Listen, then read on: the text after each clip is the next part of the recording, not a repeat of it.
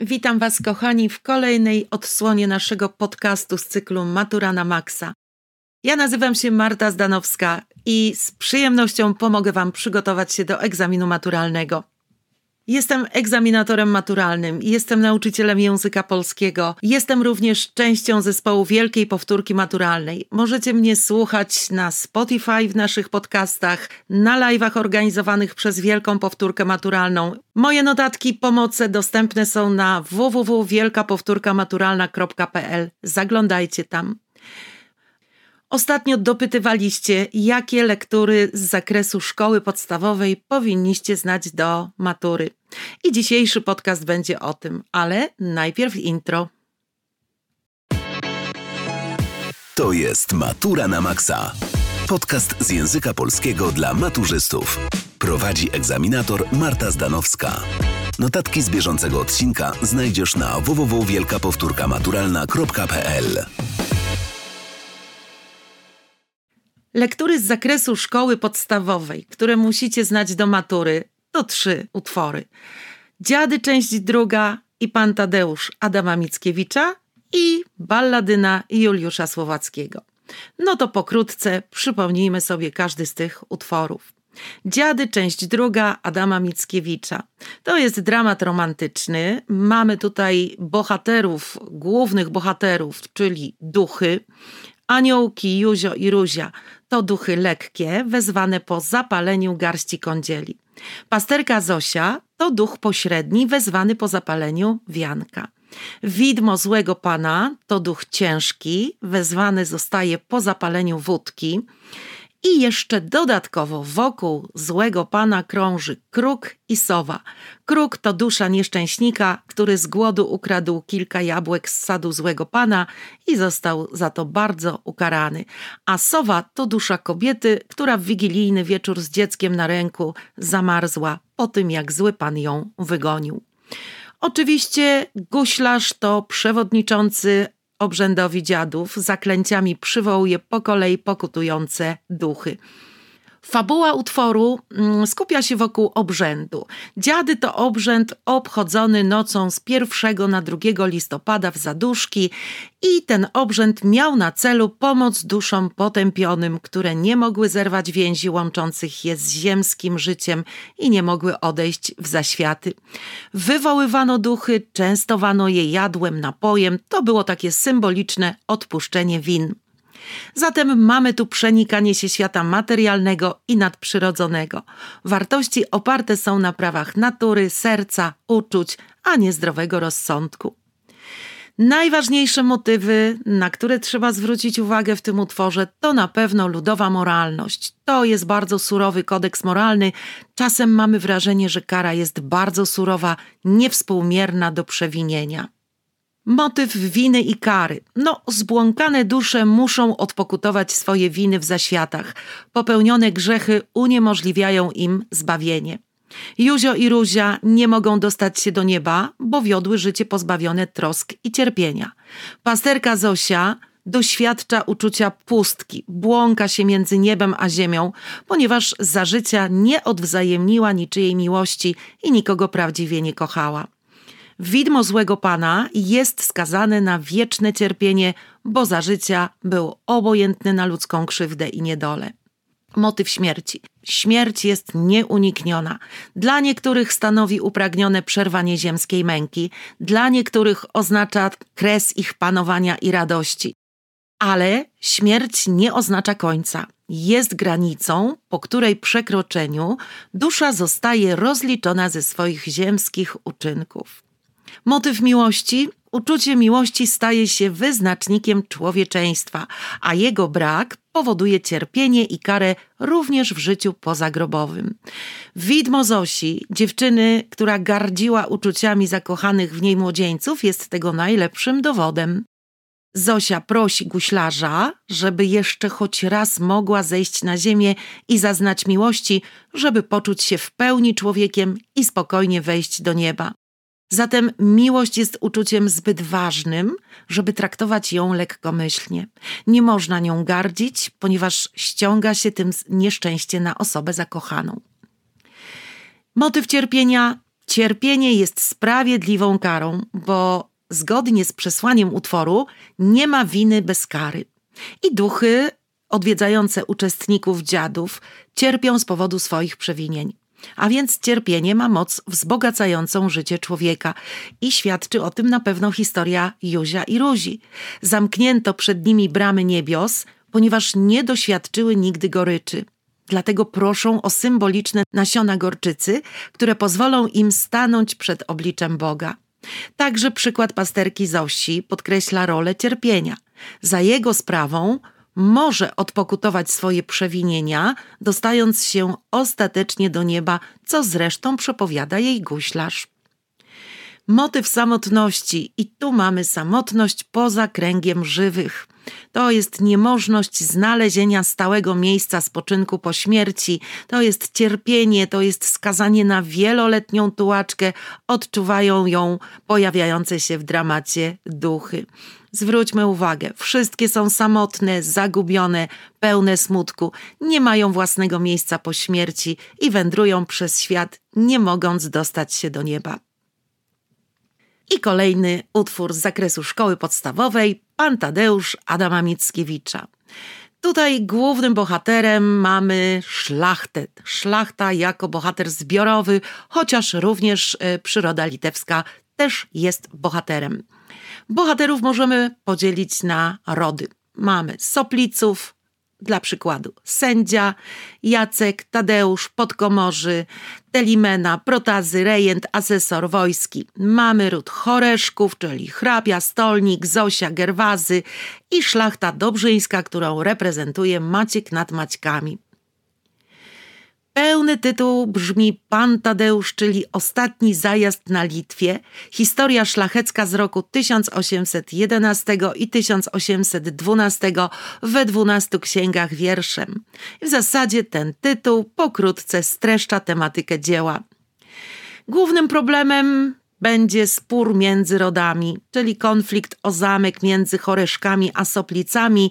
To jest taka oś fabuły, ale również tradycja, czyli pielęgnowanie dobrych obyczajów, które wprowadzają ład w życie człowieka i to zostało tu podniesione do rangi patriotycznego obowiązku.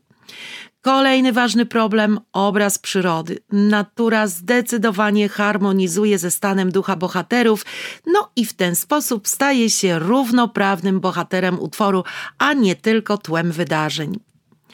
Przemiana, kolejny problem, dotyczy opisanej przez Mickiewicza społeczności, ale też poszczególnych bohaterów, o czym powiem zaraz przy motywach literackich.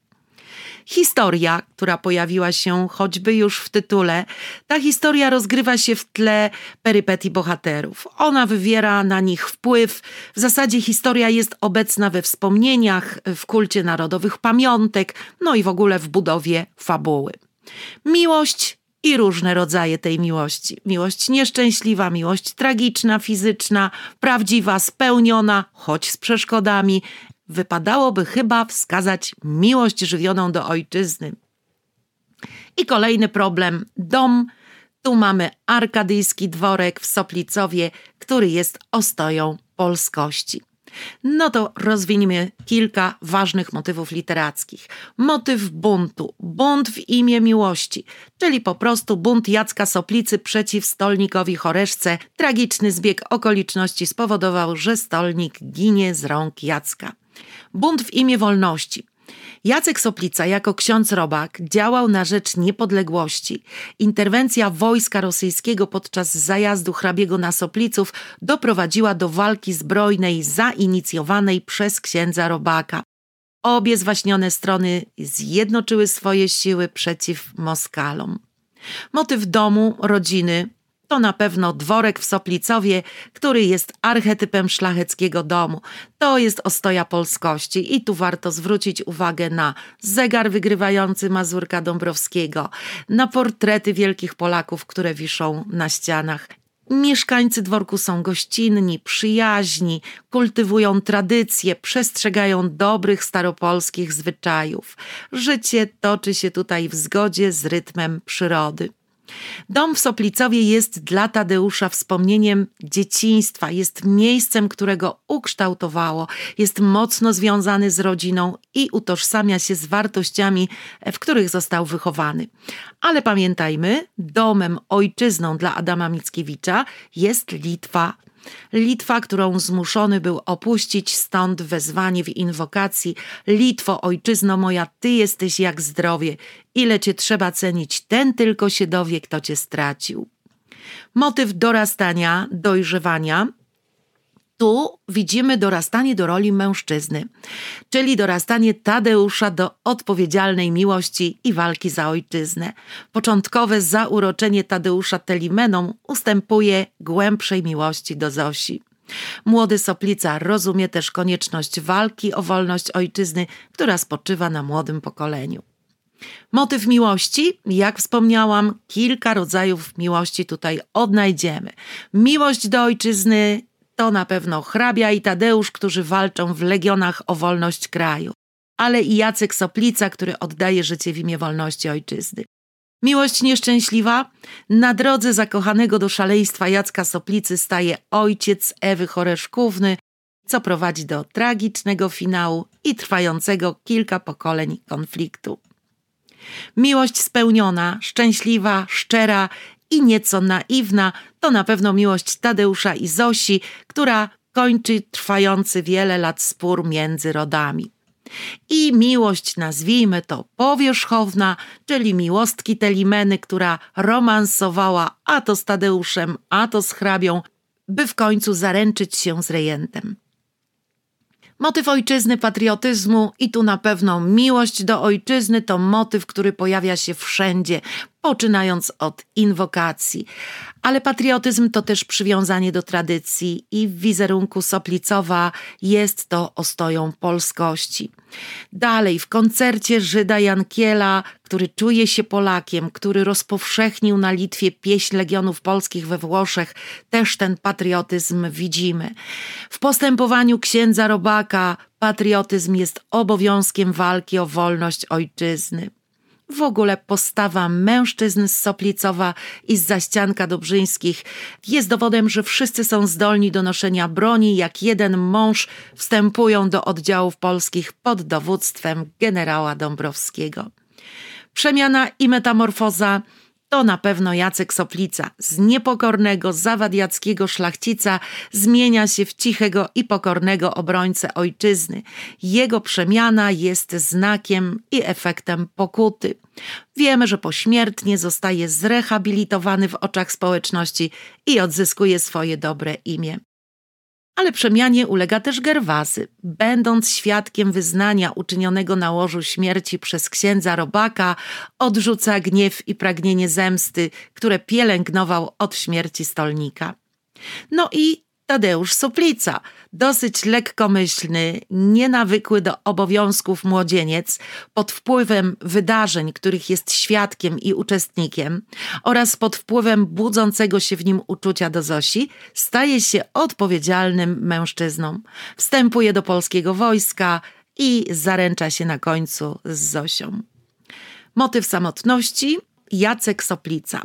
Jacek Soplica po przeżyciu nieszczęśliwej miłości do Ewy i zabiciu jej ojca postanawia zrezygnować z życia świeckiego i poświęca się samotnemu życiu w zakonie Bernardynów.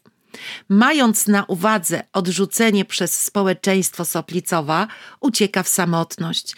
Pragnie w ten sposób odpokutować za swoje winy i resztę życia poświęcić działalności patriotycznej i politycznej. Samotność pozwoliła mu poświęcić się całkiem nowemu celowi, jaki sobie obrał w życiu, i w tym przypadku ta samotność była nieodzowną koniecznością, dzięki której Jacek mógł się spełnić. Motyw śmierci. Mm, tutaj mamy śmierć wzniosłą. To jest śmierć oczyszczająca.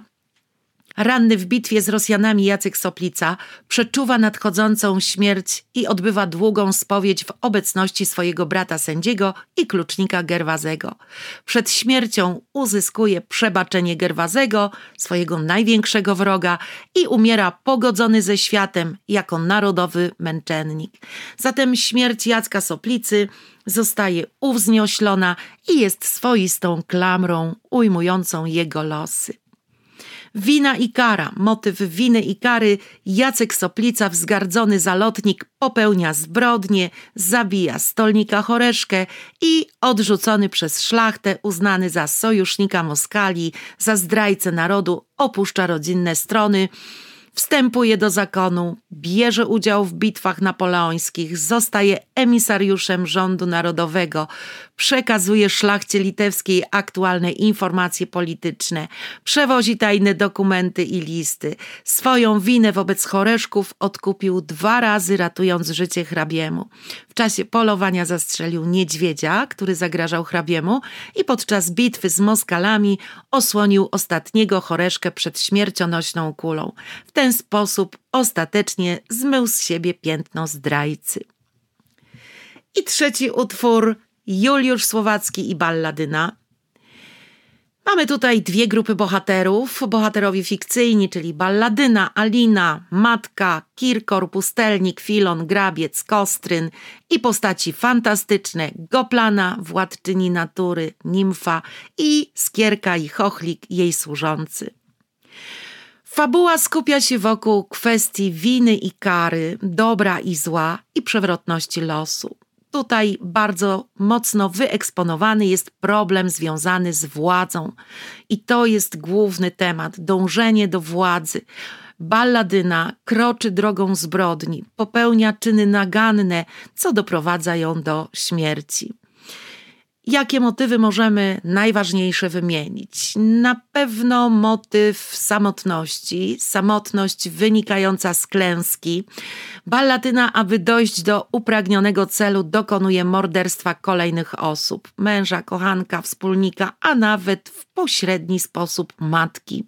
I kiedy osiąga to, czego pragnęła, zostaje całkowicie sama i samotnie musi również poradzić sobie ze świadomością klęski, jaką było jej życie.